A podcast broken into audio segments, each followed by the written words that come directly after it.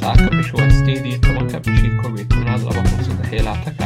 halkaad naga dhegaysanaysaana waa barnaamijka dharaar kaas oo wararka caalamka kuwooda ugu muhiimsan aan idiigu soo gudbino iyagoo kooban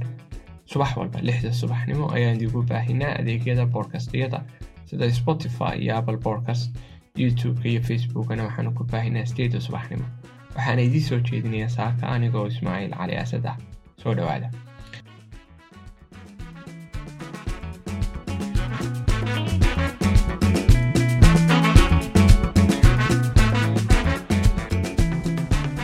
kiliseler vuruluyor.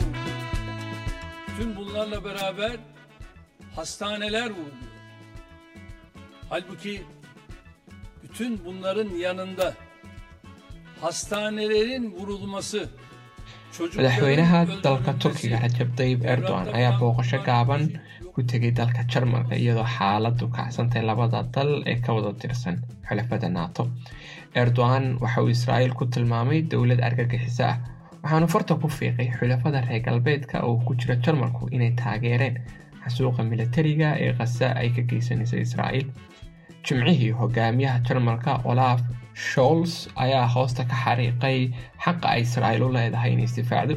garab istaagayga iyo xiriirka aan la leenahay israa'iil maaha mid laga wada hadli karo ayuu yidhi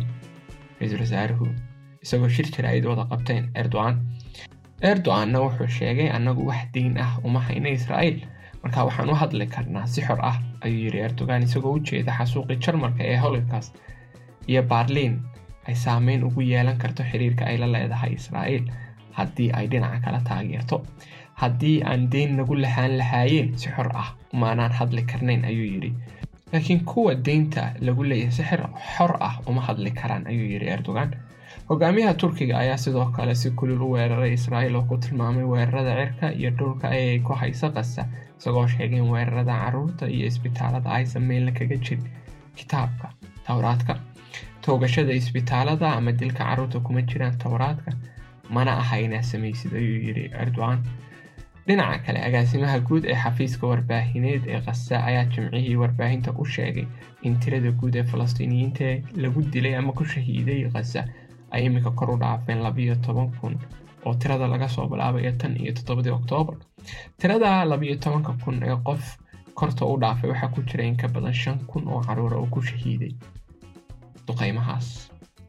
dhinaca kale tani waxay ahayd booqashadii ugu horeysay ee erdogan uu ku tago jarmalka tan iyo laba kun laatankii markaas uu kaga qayb galay shir looga hadlayay liibiya oo ka dhacay baarliin booqashada ka hogaamiyaha turkiga ayaa kor u qaaday cambaareynta uu u jeedinaya weerarka israa'iil ay ku haysa marinka qasa ee go-doomisay isagoo sheegay in taageerada aan xadidka lahayn ay ka helaan reer galbeedku ayuu saamaxaysataa wuxuu hore ugu baaqay hogaamiyaasha israa'iil in lagu xukumo dembiye dagaal oo maxkamadda caalamiga ah ee xoog waxaanu ku celceliyay aragtidiisa iyo mowqifka dheer ee turkiga in xamaas aanay ahayn urur argagixisa balse ay tahay xisbi siyaasadeed oo ku guuleystay doorashada ka dhacday qase labadii kun iyo lixdii tan iyo toddobadii oktoobar markii dagaalyahanada xamaas ay weerarka ku qaadeen koonfurta israa'iil waxay ku dileen kun iyo laba boqol oo qof taasoo keentay in dowladda israa'iil ay si xun oo ba'an uga aarkoosato dadyowga weerarka xamaas kadib sholz wuxuu u safray israa'iil si uu sheego ama ugu soo bandhiga taageerada dalka jarmalka bishan jarmalku wuxuu ku dhawaaqay inuu gebi ahaanba mamnuucay dhaqdhaqaaqyada xamaas. Sidoo kale wuxuu xanibay laanta simadon oo loo yaqaanay shabakada wadajirka ee maxaabiista ee falastiin iyagoo ku andacoonaya inay taageeraan xamaas ama ammaanaan xamaas. Waddankeena nacayb sinaba loogama ogola ayuu yidhi sholz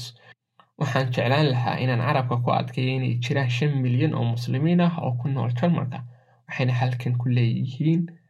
qiyam iyo meel sare ayuu raaciyey erdogan ayaa canaatay soo jeedinta ah in weerarada uu ku qaaday israa'iil ay leeyihiin nacayb. Erdoganna wuxuu ku jawaabay annaga waa inaan la takoorin yuhuudda masiixiyiinta muslimiinta gobolka. Waxaan la dagaalamaynaa nacaybka iyo takoorka. Waxaanahay hogaamiyaha la dagaalamaya nacaybka iyo takoorka ayuu yidhi erdogan. Jarmalka waxa uu mamnuucay mudaharaadyo badan oo falastiiniyiin ah oo lagu taageerayo oo ay ku sheegeen dadaalo lagaga hortegaya nacaybka dadweynaha iyo khalkhalgelinta. Labada wadan had iyo jeer waxay ahaayeen sida uu ku tilmaamay shuls wada shaqeeyayaal aan iska raali aan ahayn. Inkastoo ay kala duwan yihiin iskaashiga dhaqaale ee labada dal ayaa dhinac walba mar walba sii socday iyadoo ganacsiga labageesoodka ay uu gaaray rikoor konton iyo kow bointi dhibic bilyan oo yuuro ah sanadka laba kun labaiyo labaatanka jarmalka ayaa halka ay ku nool yihiin qurba joogta ugu badan ee turkiga ee dibadaha. Inta badan jaaliyada turkiga ee jarmalka ayaa saddex milyan in ka badan joogta. Dalka germany badankooduna taageerayaal erdogan. Mowqifka erdogan wuxuu dhaliyey su'aalo badan oo gudaha jarmalka oo ku saabsan sababta martigelinta hogaamiyaha turkiga ee wakhtigan iyadoo mucaaradka iyo xitaa xisbiga liberal democratiga xubin ka ah isbahaysiga shuls uu ku booriyey ra'iisul wasaaruhu inuu joojiyo martiqaadka. Dhinaca kale labada hogaamiye waxay ka wada hadleen heshiiska dalaga ruushka iyo ukrain kaas oo gacan ka geystay turkigu sannadkii hore. Inkastoo sanadkan gudihiisa uu ka baxay ruushku heshiiska waxaa kaloo laga wada hadlay inay isku dayaan inay helaan go'aan ay ka mideysan yihiin oo ku saabsan heshiiskii socdaalka ee laba kun lix iyo tobankii dhexmaray midooda yurub iyo turkiga si loo joojiyo soo galeytiga yurub. Erdogan ayaa ku xiray wadahadalka sii socodka ee ku saabsan heshiiskaas iyo qaar ka mid ah waddamada yurub ay jeclaan lahaayeen inay dib u soo nooleeyaan waxna ka bedelaan habka ku biiritaanka turkiga ee midooda yurub kaas oo muddooyinka u dambeeyey yaraaday ka hadalkiisu. Erdogan ayaa dhinaca kale wuxuu kaloo rajeynaya inuu ku guuleysto taageerada shuls si uu u soo nooleeyo wadahadalada ku saabsan casriyeynta midooda kastamka turkiga iyo midooda yurub iyo xoreynta fiisaha muwaadiniinta turkiga ka hor doorashooyinka dowladaha hoose ee turkiga. Dhinaca kale turkiga wuxuu rabaa inuu afartan diyaaradood oo iibsado oo eurofighter ah kuwaas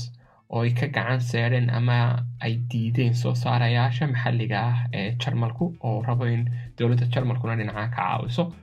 taaka intaas ayuu ku eegyahay barnaamijkeenu dhammaantiin waqti fiican iyo maalin aada u qurux badan ayaan idiin rajeynaynaa nabaday